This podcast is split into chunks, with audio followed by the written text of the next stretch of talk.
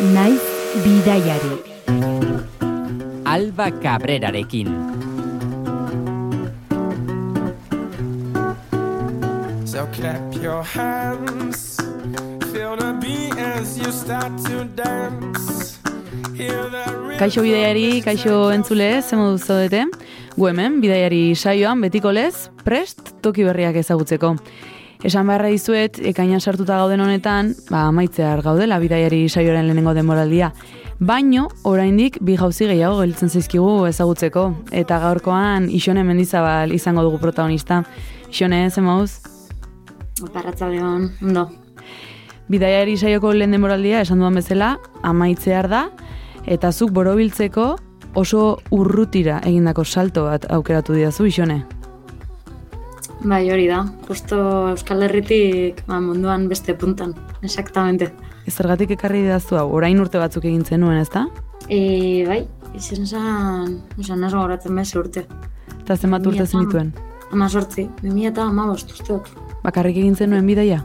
Hori da, nire lehenengo bidaia izan zen bakarrik egiten ebana, eta hori, ordutxo batzuk botan ebazen egazkinean, eta Eta munduaren bestaldera, bakarrik eta lehenengo aldian.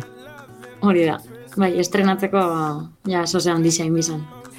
Esperientzia horrekin lotzen duzu gaurkoan saiorako aukeratu didazun objektua, edo koiarea.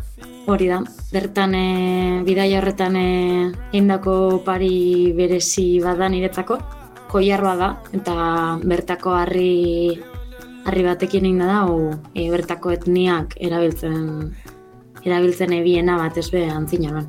Ba, akizu nola ditzen den harri hori? E, eran gogoratzen, baina puntalta ekarri dut, ba, e, pounamo deitzen dut bertan. Eta han erabiltzen dute egunerokoan? Egunerokoan ez, baina egia da ba, batez be turismo aldetik eta objektu askotan e, ikusten dan e, harri mota badala. Ah, ez bakarrik koiaretan, baizik eta beste hainbatetan ere. Hori da. Baina Zuri- berezitasuna koiaretarako.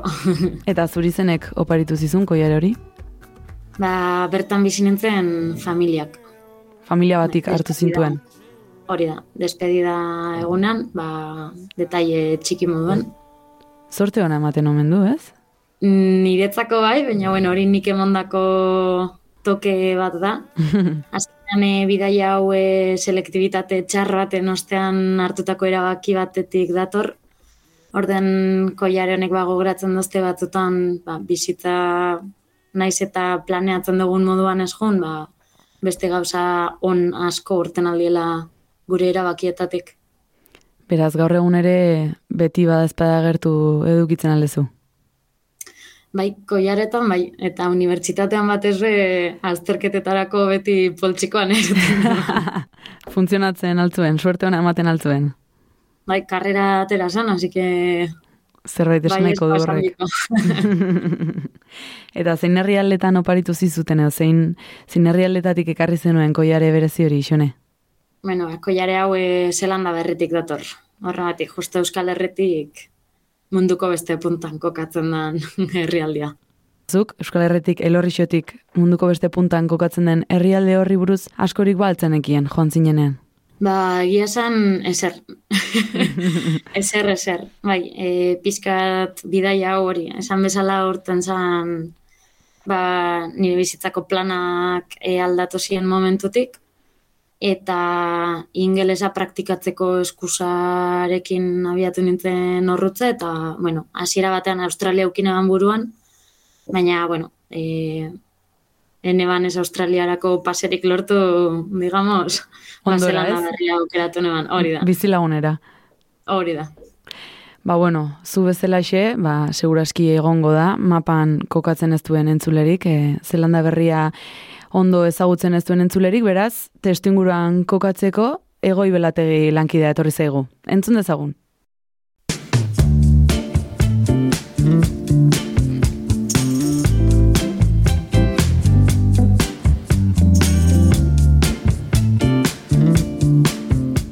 Inoez baino urrunago goaz aur, literalki munduko beste puntara, Zelanda berrira.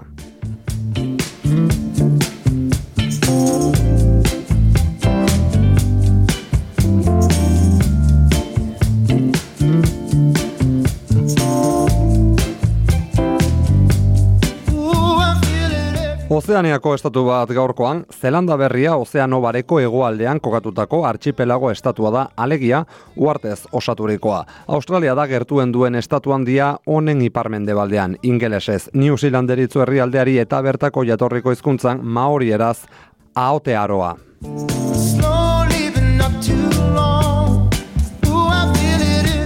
Maoriak baitira uarteetan denbora gehien daramatenak hala ere, preteniar kolonialismoaren pean bortizki diskriminatuak izan ziren eta ein handi batean baita independentziaren ostean ere. Horren ondorioz gaur egun Maoriak populazioaren euneko bederatzi inguru baino ez dira eta biztanleen euneko bostena da soilik Maoria ama hizkuntza. Azken urteotan Maoriek antolakuntza politiko maila handia lortu dute eta euren kulturak ikusgarritasuna herrialdean.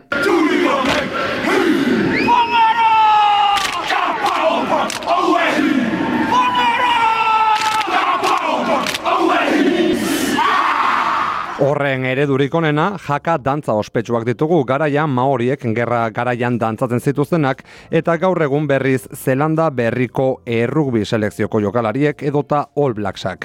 Dena den bazterkeria ekonomiko eta sozialak darrai maori askoren aurka.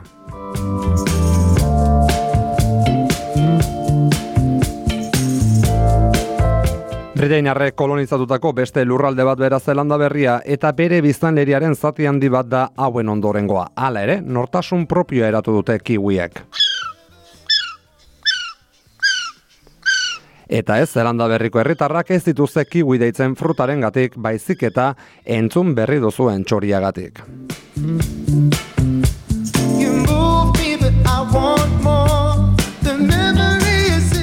Populazioari dagokionez esan daiteke biztanle neko gutxi dituela Zelanda berriak bere tamaina aintzat hartuta. Bos milioi biztanle baititu herrialdeak eta ondorioz emeretzi bat biztanle bizi dira kilometro karratuko. Wellington da Zelanda berriko hiriburua, baina Auckland ordea hiririk handiena milioi terdi biztanlerekin. Bi hiri hauek iparru artean ditugu kokatuta Christchurch da berriz ego uarteko hiririk handiena ia lareun mila biztanlerekin.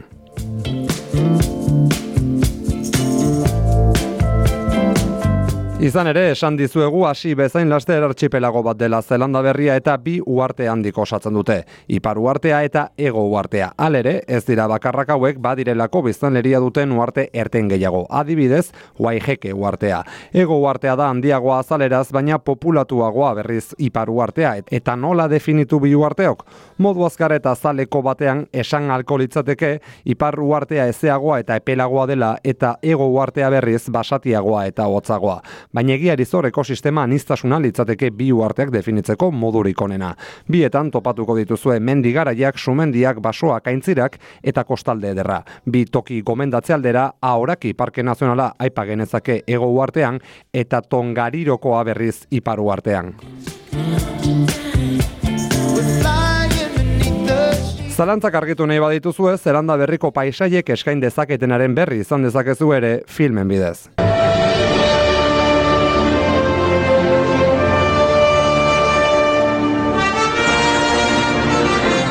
Hogeita bat garren mendearen hasieratik Zelanda berrian film ugari ekoitzi direlako bertako natura ikusgarriaz baliatuta. Guztien artean, ospetsuenak eraztunaren jaunaren hiru filmak dira eta honen spin-off Hobita. Narniaren kronikak bertan grabatu dira ere Fantasia Zarago 2000 eta bosteko King Kong bertan grabatu zen, eta gezurra badirudi ere azken samuraia filma ez dago Japonian grabatuta, baizik eta Zelanda berrian. Hegazkineko bidaia unea proposa izan daiteke film hauek ikusteko hogeita mar bat ordu beharko dituzu eta Zelanda berrira heltzeko. Esan duzu isune, emezortzi bat urte zenituela, joan zinela Zelanda berrira. Bizitzako ze momentutan harrapatzen zaitu aukera horrek? Ba, hori, esan bezala selektibitate txar baten ostean e, hartzen duten erabakia da. Hori, ba, ni gazte-gazte, oraindik e, kanpora holan bidaia hundirik e, egin barik, esperientzia barik, vamos. E, baina, bueno, e, egia da ilusio handizaz egin eban bidaia bat izan zala, eta, bueno, lehenengo guna igual pizkate gorrak e, izen bazien be bai, gaur egun bidaia hori oso oso presente dekot, e, buruan egisa zen. Workaway programaren bidez iritsi zinen zu Zelanda berrira. Azaldi guzu pixka bat, zera Workaway? Ba, Workaway da plataforma bat, pixkat kultura elkartruke baten eskusapean, ba, voluntariau diferenteak eskintzen dauzenak mundu guztitik zehar.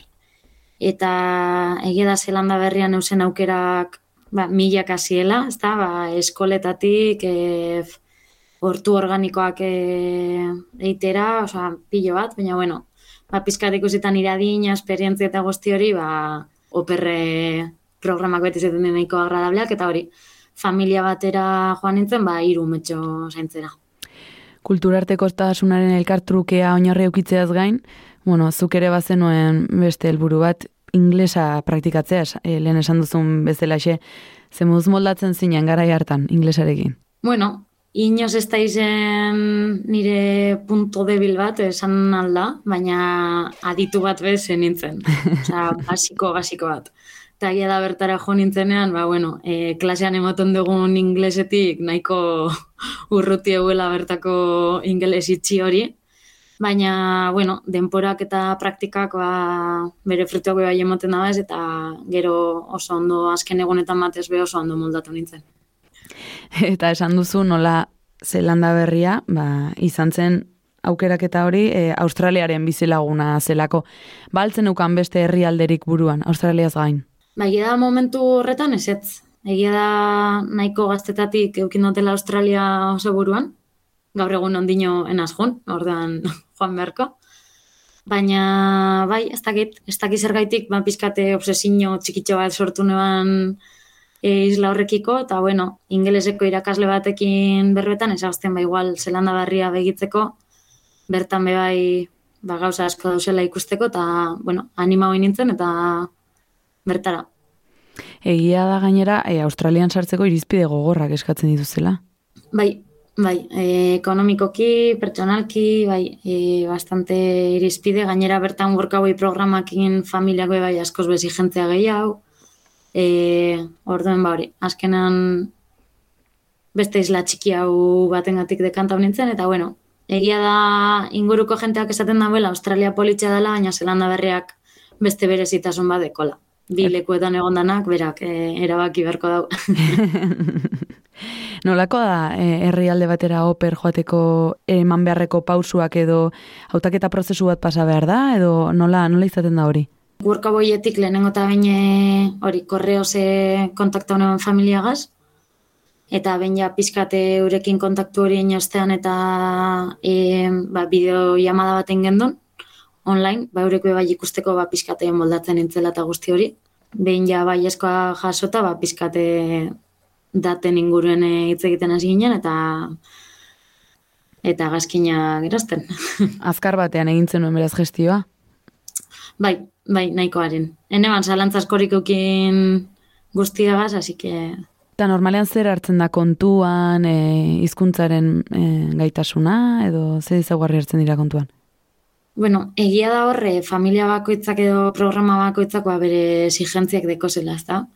E, ni sorte handiko pertsona moduen konsideretan az, azkenan familia honek bai emototzelako garrantzi nahiko ba, kultura elkartruke horri, ez? Euren seme alabei baizekien eredu bat, igual seme alabei erakusteko ba, munduko beste herritar batzuk, munduko beste kultura batzuk, orduen egia da exigentzia minimo bat, ba, ingeleseko maila minimo bat eukitea dela, obviamente, baina bestela gia san ez hostien askoz be gauza gehiago eskatu. Eskotzeko karnetik, ez esperientziarik, ez... Seme alabak aipatu dituzu, haiekin egotea eta etxeko zereginak egitea altzen zure, zure egin beharra? Bai, hori da. E, familiagaz jun aurretik e, adostu gendu zen ba, pizkat zereginak, eta egunean sartu barreko ordu kopurua, gutxi gora bera, eta hori, ba, bertan egoten nintzen umei laguntzen e, behar sabienian, edo bestela etxean, ba, etxeko, etxeko bierrak egiten. Esan dugun bezala xe, elorriotik behiratuta, zelanda berria munduaren beste puntan kokatzen da, zein geldialdi egin behar izan zenituen, behin egazkin hartuta, ara iristeko? Bueno, ba, esan nahiko luzetxoa, bidaia, Bai, jutekoa, bueno, e, pizkat e, motibautaz dausenez eta mena baitzen da, baina bueltakoa bai izan zen, bastante... Astuna. bai, azkenan Euskal Herritik e, Alemaniara jun, jun barri zen nintzen, e, Frankfurtera, eta bertatik ja, e, bai, nemazen paradak edo juterakoan Txinan eta bueltan Japonen. Eta gero ja hortik bai, zelanda berrira. Ja, hori, totalean hogeta mar bat orduko bidaia. Eta ze moduzko gorputza gelitzen zaio bati, hogeita mar orduko bidea bat egin eta gero. Bueno, ni gegisa zen, nene kokatzen oso ondo nire burua, nun neuen, zetan, e, azkenean hogeta hamar ordu izeteaz gain, ordu aldaketa asko dauz bidaia horretan, ezta orden, ba hori, zelanda barrira iritsi nintzen egun horretan, ba, nahiko txarte pasaune ban, baina bueno. Aterrizaje forzoso. Hori da, hori da, jetla importantea. Eguntxo baloen eta horrekin ja aurrera. Indarrak hartuta, herrialde zautzeko. Iritsi zinen egunean, aipatu, aipatu zen idan, ez uste kongi etorria mantzizula ez, izugarrizko euri jasa botatzen ari zen. Bai, hori da. E, bertara llegau, eurisa, eta gainera ostalera sinintzen sartu atzaldera arte. Eta hasien ba goizeko sortzirak edo lan. Arte mari, zuke esasuna, aterrizaje forzoso, forzoso. Urteko zein sasoitan joan zinen? Ni bertara jo nintzen e, urtarrien, gure negoa izango zen, han udara sartzen gutxi gora bera, baina bueno, e, bertan ir, e, Oklan eta inguru horretan e, eguraldia bada nahiko tropikala, digamos, orduan, bueno, beroaz gain ba euria bai ikusi neban egun batzuta, baina bueno, nahiko eguraldi ona eta hori, udara sartzeko prozesu horretan narrapa ostean hasike. Oso irra luzea, zelanda berria, urtaroak asko aldatzen aldira batetik bestera, ez? E, iparraldean egon ala egoaldean egon. E, bai, hori, iparraldekoa esango neuke gehiago bari, ambiente tropikala hu atera horbiltzen dana, izen barik tropikala, baina bai hegoaldeko berezitasuna da ja hotzitzen hasten dela ambientea ja poloetara hurbiltzen hasten dela eta bertan ja bai ikusi aldugula klima diferente hau eta klima horrekin batera paraje oso diferenteak bi erleen artean. Guztira zenba denbora egon zinen? E, egon nintzen hiru hile esakto, hori. E, bisaua lortzeko arazoekin ibili nintzen, orden turista moduen izten da ben denpora maksimoan. Oglan ondoko irla txikitxo batean egon zinen ez, e, guai jeken?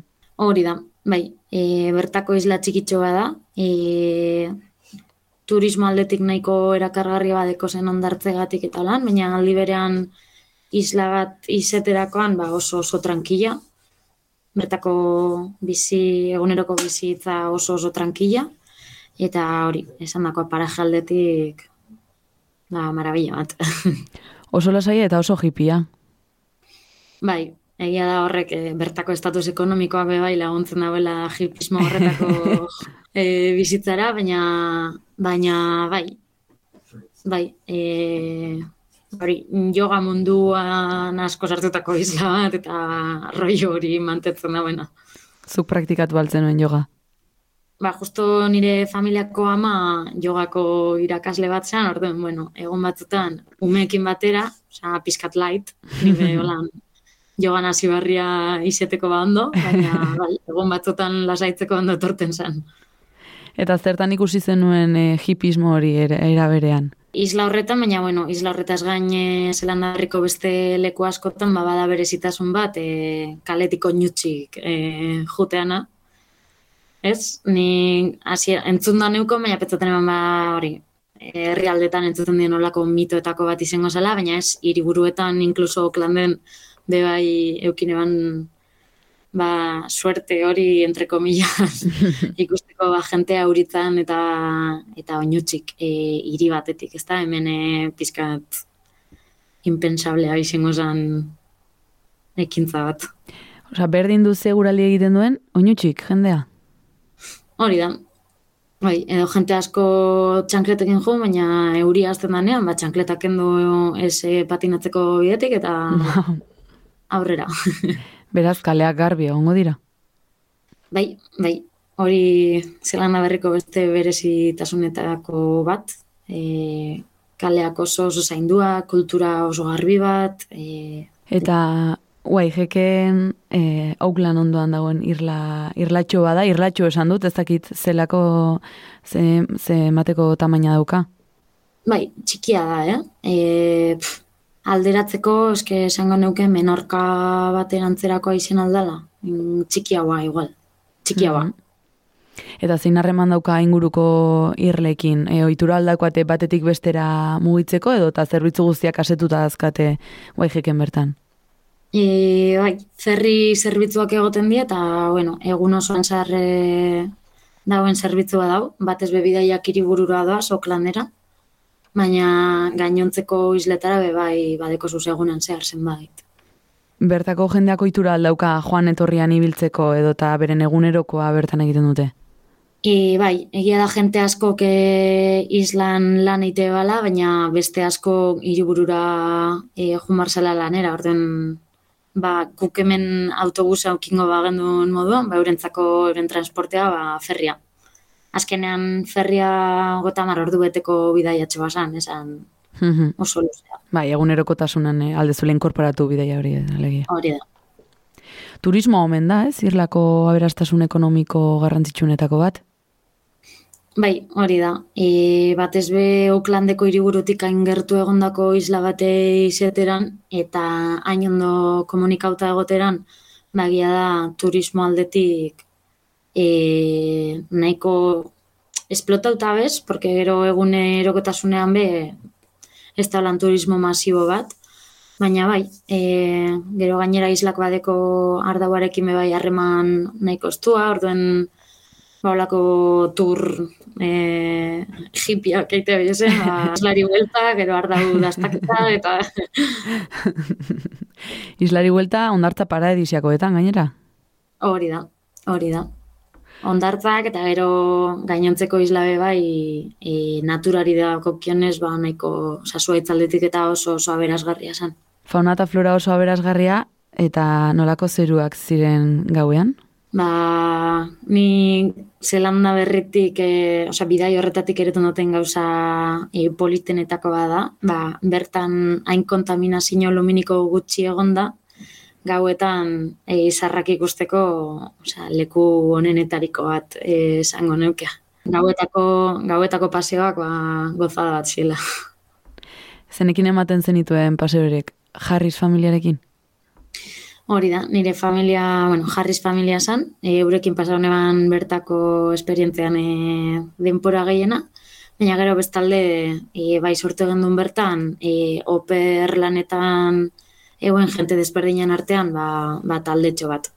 Gehienok e, Europa ingurutik e, gento zen neska gaztea ginen, baina, bueno, ba, ba, Japonetik etozen batzuk, Amerikar batzuk, eta, bueno, Harris familia esan dugu, abizen bakarra erabiltzeko ohitura daukate?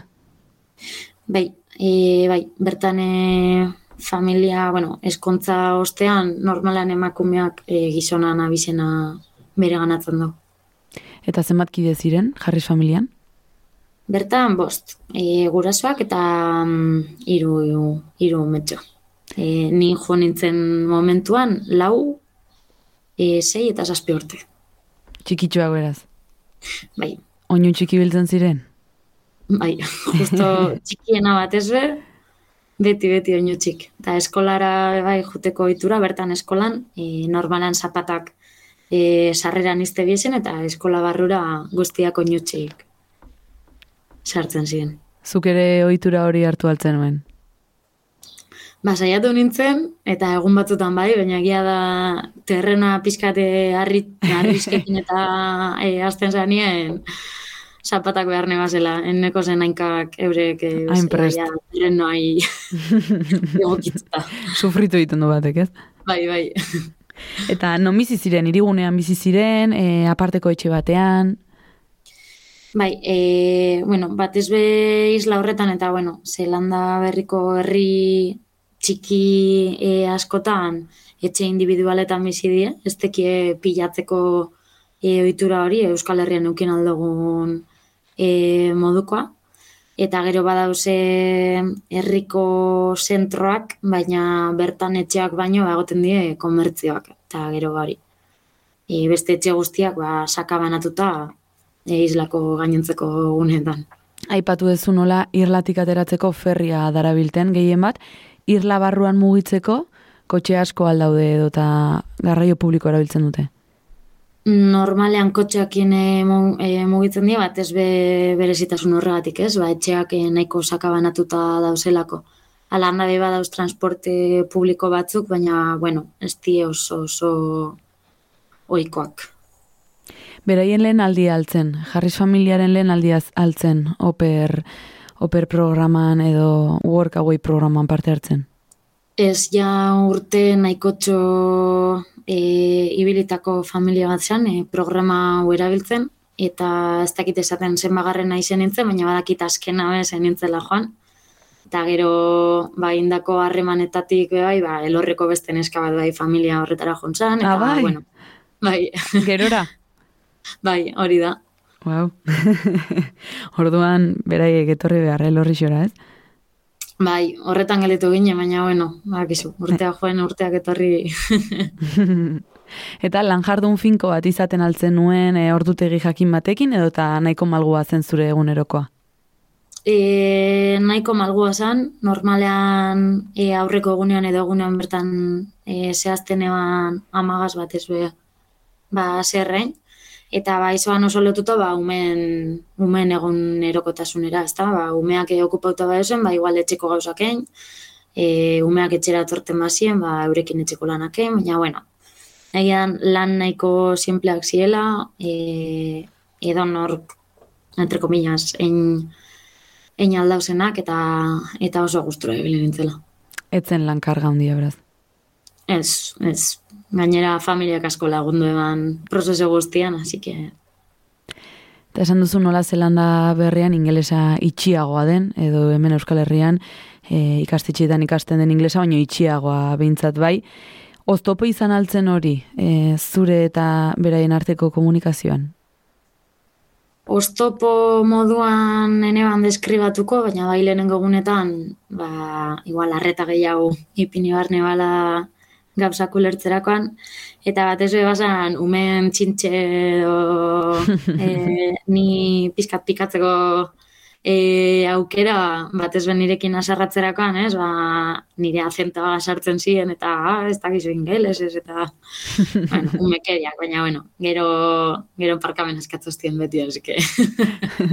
Beraek ziren irakasle zorrotzenak, hori da, hori da, eta asko ikasi zenien. bai, bai. Dana dala, ingelesak hasieran sortutako zailtasun txiki hoiek gainetik kenduta, familiaren parte izan zinen eta familiako kide bezala tratatu zintuzten.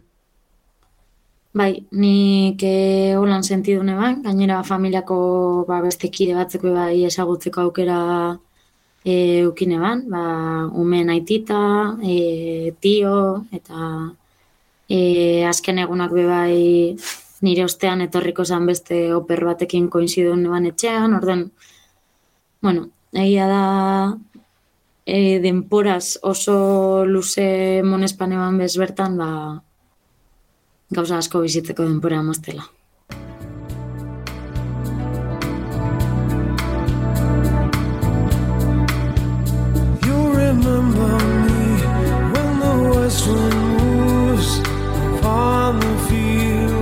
Fields of Bali. You forget the sun in his jealous sky as we walk in fields of gold.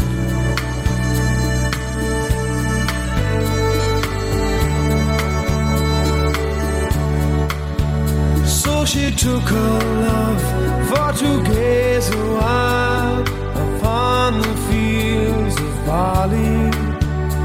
In his arms she fell as her hair came down among the fields of gold.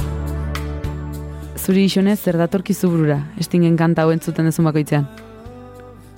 Bueno, ba, Zelanda berriko bidai hori eta batez be familia, bertan egon nintzen familia. Azkenan, e, bueno, ez da bertako kanta berezi bat, baina bai bertako gurasoi asko gustatzen jakien kanta bat e, sala, eta gogoan dekot ba, egun baten justo aita musikoa zen, orduen zelan bartu genduzen gitarrak eta, eta, bueno, kanta hau abestu gendun, eta eta bertako litzapenak ekartu ustez. Beraz, eh, yoga batekin, gitarra klaseak eta musika klaseak bestarekin, eta eta txikiekin inglesa ikasita, ezin gehiago eskatu. Hori da, hori da. Bai, bai. Eta gainera, zure aixialdian irterak egiteko demora hartzen zenuen. Hori da. E, bai, asteburuak normalan libre libre ukiten gendu zen, no zer, ba, zerbait e, gertatu eskero ba, familiakin berbain eta bertan gelditu, baina bai aprobetsatzen gendun oper lanetan gebizen e, beste neskekin, ba, bidaiak, e, bidaiak iteko.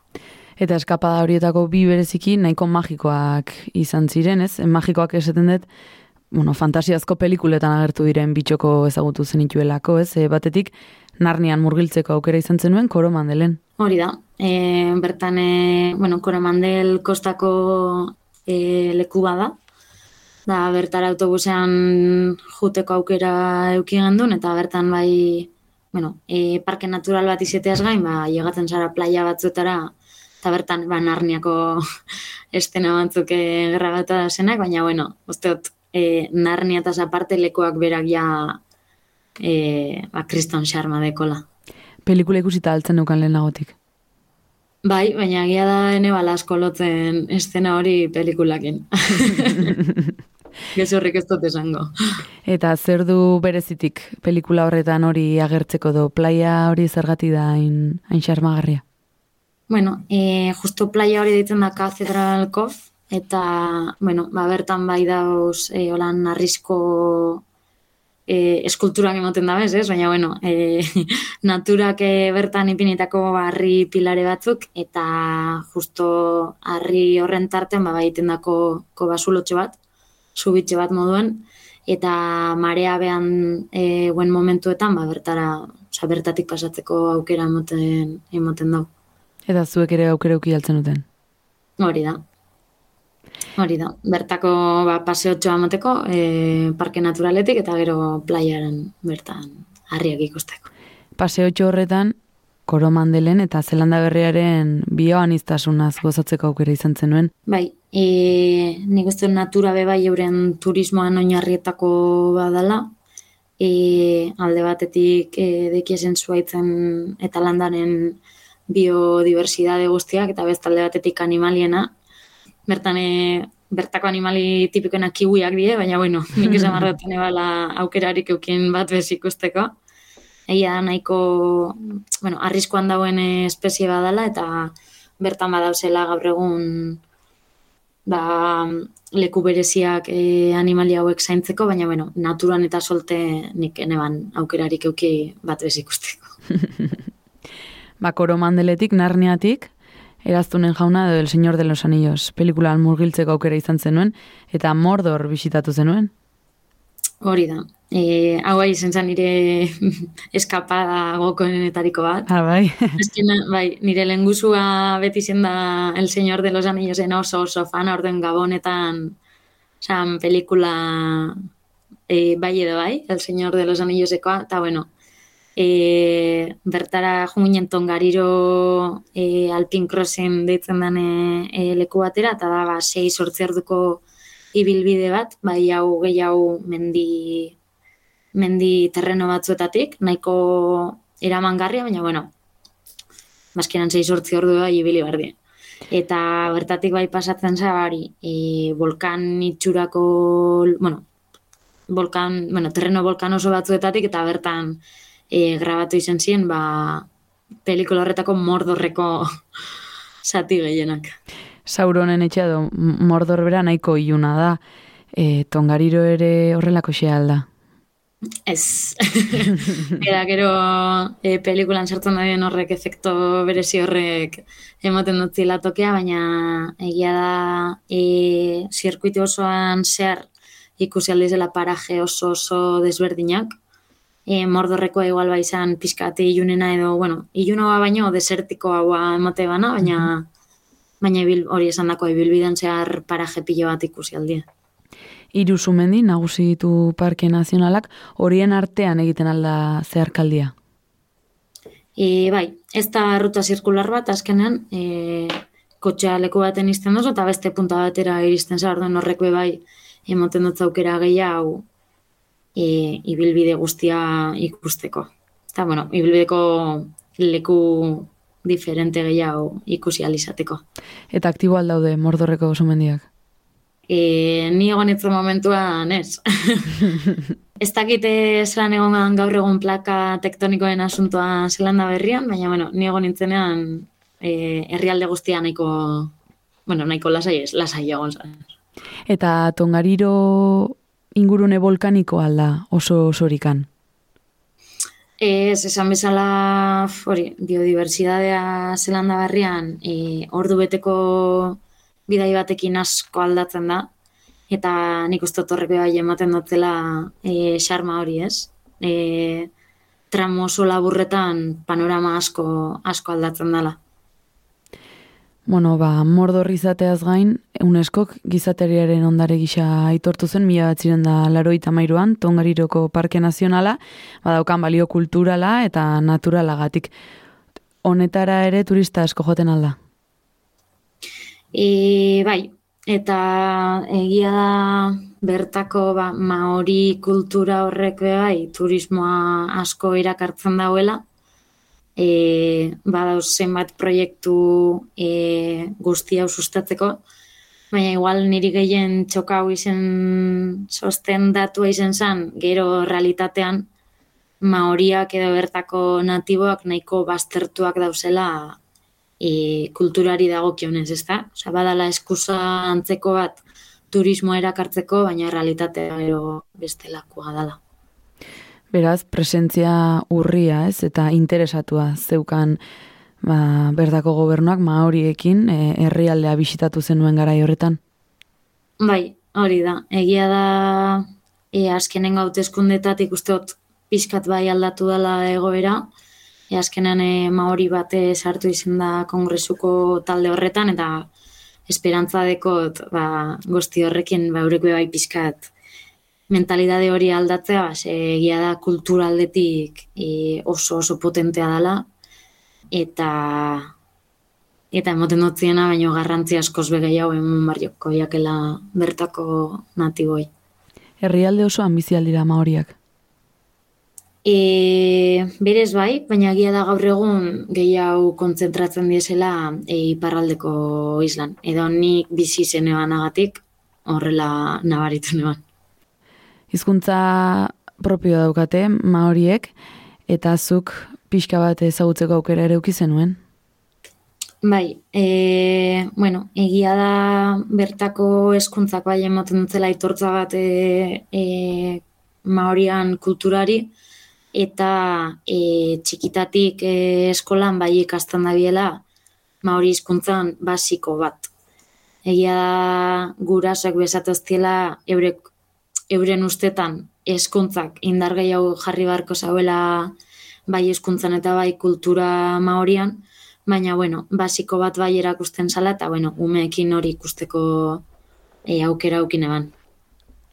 Narneatik eta mordorretik pasata gero eta maorien kulturara apur bat gehiago gerturatu ostean, operzinen bitartan egindako bidaia biez gain, eukizen ituen zure hiru hilabeteko egonaldi horretan bi astetxo ba, zure kabuz eta zure neurrira nahi zenuen bidaia egiteko?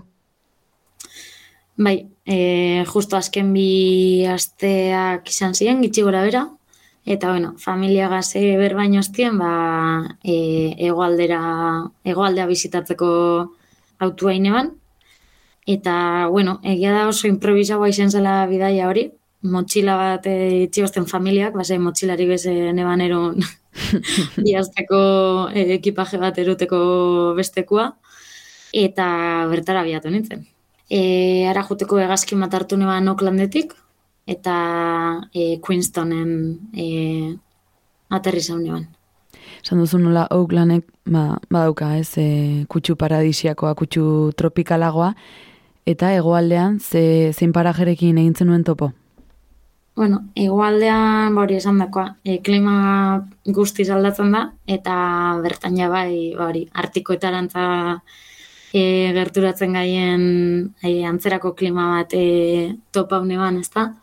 E, Gera temperatura aldetik, justo hori, e, urtarrian jun nintzen ez, esala oso oso klima hotza izan, baina landabe ba, bertan bai eukineban aukera glasiarrak ikusteko eta olako klimetan mobido aldien e, animali nahiko eksotikoak, ez? Ba, pinguinoak, e, itxasleoiak, Hori xere galdetu nahi nizun, zuk en, iru hilabeterako maleta prestatu zenuenean, ez zegoen zure aurre ikuspenetan, ez, e, glaziarren artean ibiltzea. Motxilaz gain, arropa ere utzi altzizun e, familiak. Ez, nik uste dute Euskal Herriko mentalidadea gazko nintzela, eta bueno, plumas bat beti Beti dator ondo. motxilan, hori da, por si akasoen e, txokoan eukineban, eta bueno, ba, plumas horrekin aurrera. Eta hemen ere oinu txiki biltzen alira. E, hemen ja, ja klima pizkatuta izetera, nik gitxienez, guztiak zapatakin e, ikusi nebazen, baina, bueno, sororen bat egongo da hortik. Kirol turismo handia erakartzen duten parajeak dira, ez da? Bai, e, nahiko ekintza e, dause bertan e, kirolari e, bideratuta, baina egia da adibidez ni bertara jago nintzen lehenengo egunean, ba, pixkate Queenstown iria bizitatzen hasi nintzenean, ba, kompetizio raro bat e, ikusteko aukera e, eukine bala, eta bertan e, menditon torretik e, parakaidas baten e, e, salteta ebien e, pertsona batzuk, eta laku erdian ba, koltsoneta batera bueno, koltsoneta baten aterrizatzen saiatu behar ziren. Ordean, bueno, espektakulo aldetik bai e, oso erakargarria iruditu jatan lekua.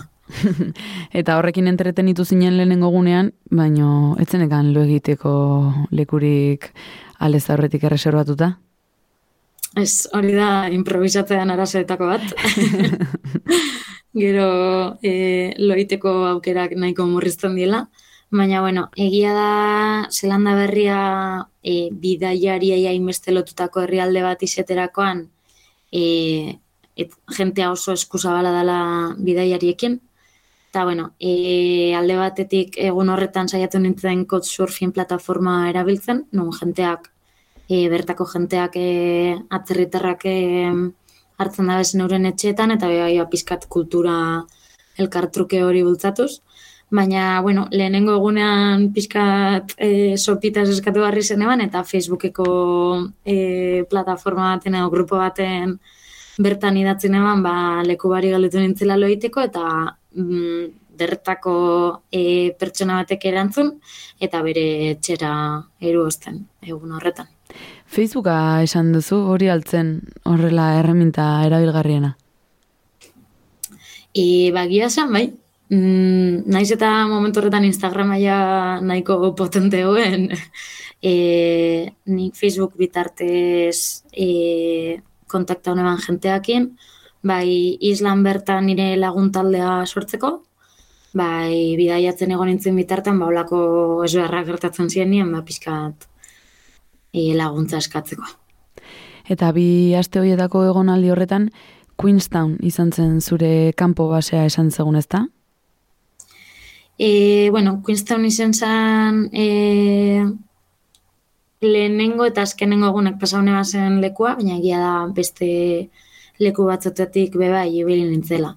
Hori, Fox Glacier e, izeneko lekuan bebai hostal baten egon nintzen, eta bertan, ba, bueno, e, bertan e, hostala garbitzen eta hoiak egiten e, ibiltzen nintzen, ba, gero lo iteko leku baten truk. Eta ba, pixkatolan mobitzen nintzen, alik eta diru gutxien gastatu, bueno, gastatzen saiatzen. Modu improvisatuan gainera. Hori da, bai, bai. Gaur egun ez dakizela nahi neban lo egunero aterpe baten, baina, bueno, dana ondo urten zan, así que Superviventzia ditu zaio. bastante. Couchsurfinga ere erabili zenuen, eta esan duzu ez, nola ostatu hartzen duzun, jende diferentearen etxean. Gerora, e, Zelanda berriaz gain egindako beste bidaia batzuetan ere erabili izan alduzu, Couchsurfinga. E, bai, bai, egia esan asko guztu dinaten plataforma bada. E, onartu behar dut e, pandemian geroztik ez dutela erabili.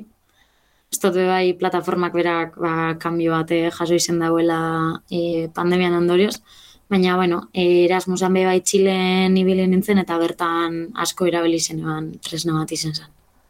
Gainera, zuk esan da, ez, e, nabaritu izan duzu Euskalduna izateak puntuak ematen dituela. Bai, egia da Euskal Herria ezagutzen dauen atzerritarrak e, nahiko eskuzabalik e, hartzen da bizela Euskaldunak, eta Euskal Herria ezagutzen ez dauen horrek interes handia ipintzen dau, ba, pizkat gure historia e, kontatzen dugunean. Euskal Herria eta Euskera eta Euskaldunak ezagutzeko edo mundura zabaltzeko beste erraminta bat daukagu orduan, ez? Bai, hori da. Zure etxekoek, en, Jarris, Jarris familia zen, Jarris. Bai.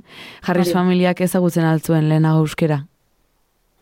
E, euskera entzun gabeko familia zen, baina, bueno, aita azkenean e, Ingalat, oza, Inglaterratik e, e, zetorren, bere ama Inglaterrakoa salako, eta, bueno, orduan Euskal Herrian inguruen, ba, euken ideia bat, eta historian inguruko ideia bat. Alan dabe, bueno, oso interesabak egon ziren, ba, bertako pertsona baten e, ahotik e, historia bera entzutiaz.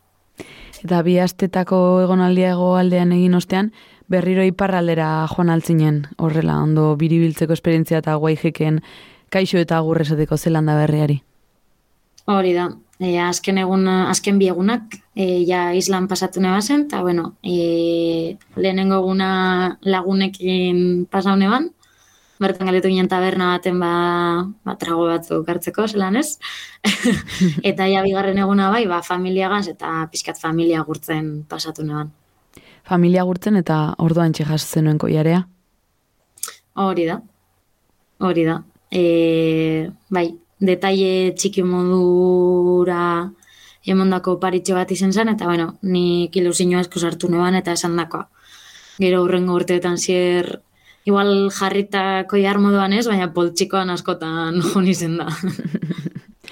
Joixone, duela ia hamar urte egindako bidaia bada, eta harritzen hau zenbateko xietasunarekin kontatzeko gaizaren. Bai, bueno, horre trampatxe bat daue, bai. e, nire lehenengo bidaia izan zen, baina bai hartu neman hor, eta gaur egun mantendu izan duten ohitura bat, eta iten duten bidaia bakoitzeko, ba, kuadernotxo bat eruten dut, bertan ba, ikusitako lekuak e, apuntatzeko, bizipenak, ba, pixkat, jenteari, bertan ezagutzen duten jenteari bai eskatzen dutzen, ba, zerbait idazteko, eta holan, ba, urtiekin zier esazteko, ez da? Azkenan memoria ez dakigu zelan jongo dan, así que bitxien Ba, ez hasi da.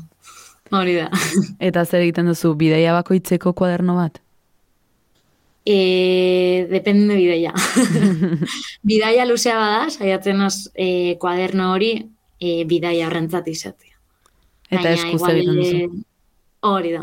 Baina esperientzia laburrauak badi, ba, bi asteko esperientziak edo lan, ba, bueno, moldatzen nahi. Jarriz familiak ere idatzi altzuen kuaderno horretan.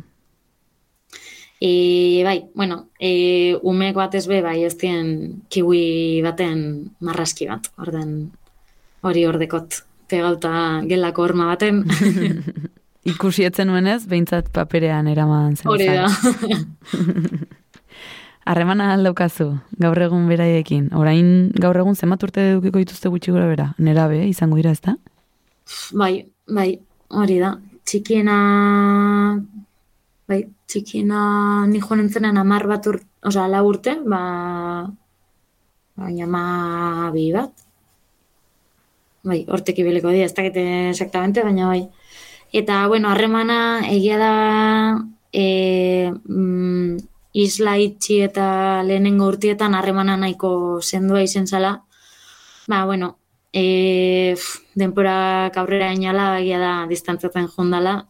Noizean behin bai bidali izen gaiela korreoren bat, baina, bueno, ba, denporak azkenean asko markatzen da, eureko bai euren bizi ritmo batera doaz, ni beste batera, Eta bertako jendarekin, e, han ezagututako bidaideekin eta operreko gainerako kideekin?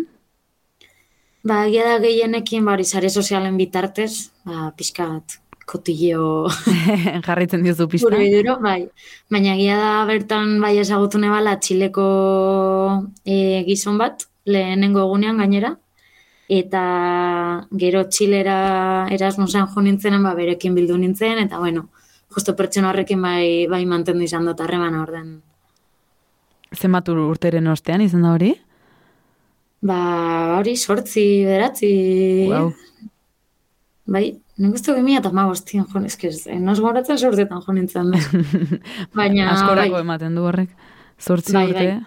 aldaketa asko datoz zortzi urteetan. bai, Esan duzu, selektibidadeko esperientzia txar batek nolabait eraman zintuela edo bideratu zintuela Zelanda berrira joatera. Gerora, Zelanda berritik itzulita, animatu altzinen berriro selektibidada egiten eta eta zorte txar horik entzen.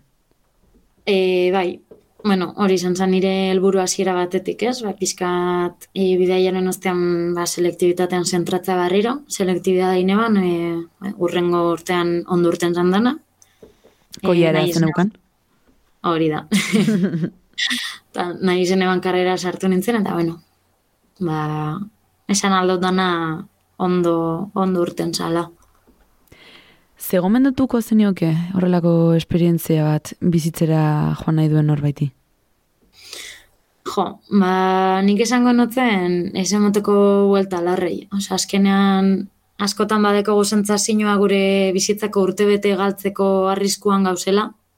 Batez be adin horretan, ez, ama sortzi urte, ikasketak, presiñoa, eta gomendatuko notzien ez eukiteko beldurrik. Osa, urtebete ez tala eser, gero, gerora konturatzen ga urtebete ez tala eser eta salantzekin eta presiñopean ikasteak be azkenean ez dagoela esertarako balio. Orduen tranquil hartzeko eta bueno, badauzela aukera gehiago bizi honetan e, dana lehenengoan ateratzia bai. Eta bigarren ateratzeak ere badituela bera bantaiak, ez? Bestela behar badatzen nuen zelanda berria ezagutuko? Hori da. Hori da. Eta igual bez e, bidaiatzeko grinori eban inoz e, piztuko. Jarraitzen du, bizirik zure bideiatzeko grin horrek. Larre igual, baina... baina, bai, bai. Eta kontrara isonez zerretzen nuke gomendatuko. saia. Baina, bueno, nik esan nuke justo esan dutenen kontrakoa. E, osea, presiñopean ez eiteko eser. Benetan, osea, bizitza bakarra dekogula, osea, igual badakit que suena muy topiko, baina, bueno, bizitza bakarra dago eta benetan egin bidegula gure dugun zerbait. Beti buru erabilita, kontziente izen da zetan gabizien eta zertaragoa zen modu baten edo bestean. Baina, bai, beldur horrek kentzeko bat. Ez be, ostot, emakumeak eta gazteak izen askotan pausu hori emotea asko kostatzen dauela. Baina, bueno, badauzela herrialde agradable asko, seguruak eta eta lagunak beti bidi, osea, bidien egiten diela. Hemez urte zenituenean, joan zinen Zelanda berrira, naiz eta lehenago begiz jota Australia euki. Gaur egun, Australiarekiko grin horrek jarraitzen aldu bizirik. Bai, baina beste modu baten. E, hala, nosbait aukerarik badekot Australiara joteko ez dut birritan pentsauko. Baina, bueno, egia armi armena asuntoak be gero eta atzera botatzen daztela. birritan pentsa barko dut, a ber. Hanku txiketzea jongo ordon. Bueno, ba, Australiara bidaia egiten duzunean, edo eta beste txokoren bat ezagutzen duzunean, bakizuku hemen bidaiari saioan belarri prest izango garela zuentzuteko. Oso, ondo.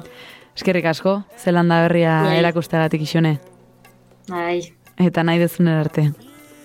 agur. Zelanda berriari itzuli eman eta iritsi gara saioaren amaierara entzule, baino badakizu, ba, denboraldia amaitzea balin badago ere, zita daukazula oraindik gazteru gurekin, hemen, nahi zirratian, arratsaleko zazpietan asteazkenero, eta noiz nahi, eta, eta nahi duzun bestetan, ba, podcast plataformetan. Gogoratu bide batez ere, ba, zuen esperientzia kontatzeko gogoz balin bazabiltzate oso erresa daukazuela. Idatzi, bidaiari abilduan naizirratia.eu selbide elektronikora, eta antxe izango gara, ba, zuek entzuteko prest bitartean zaindu. Agur!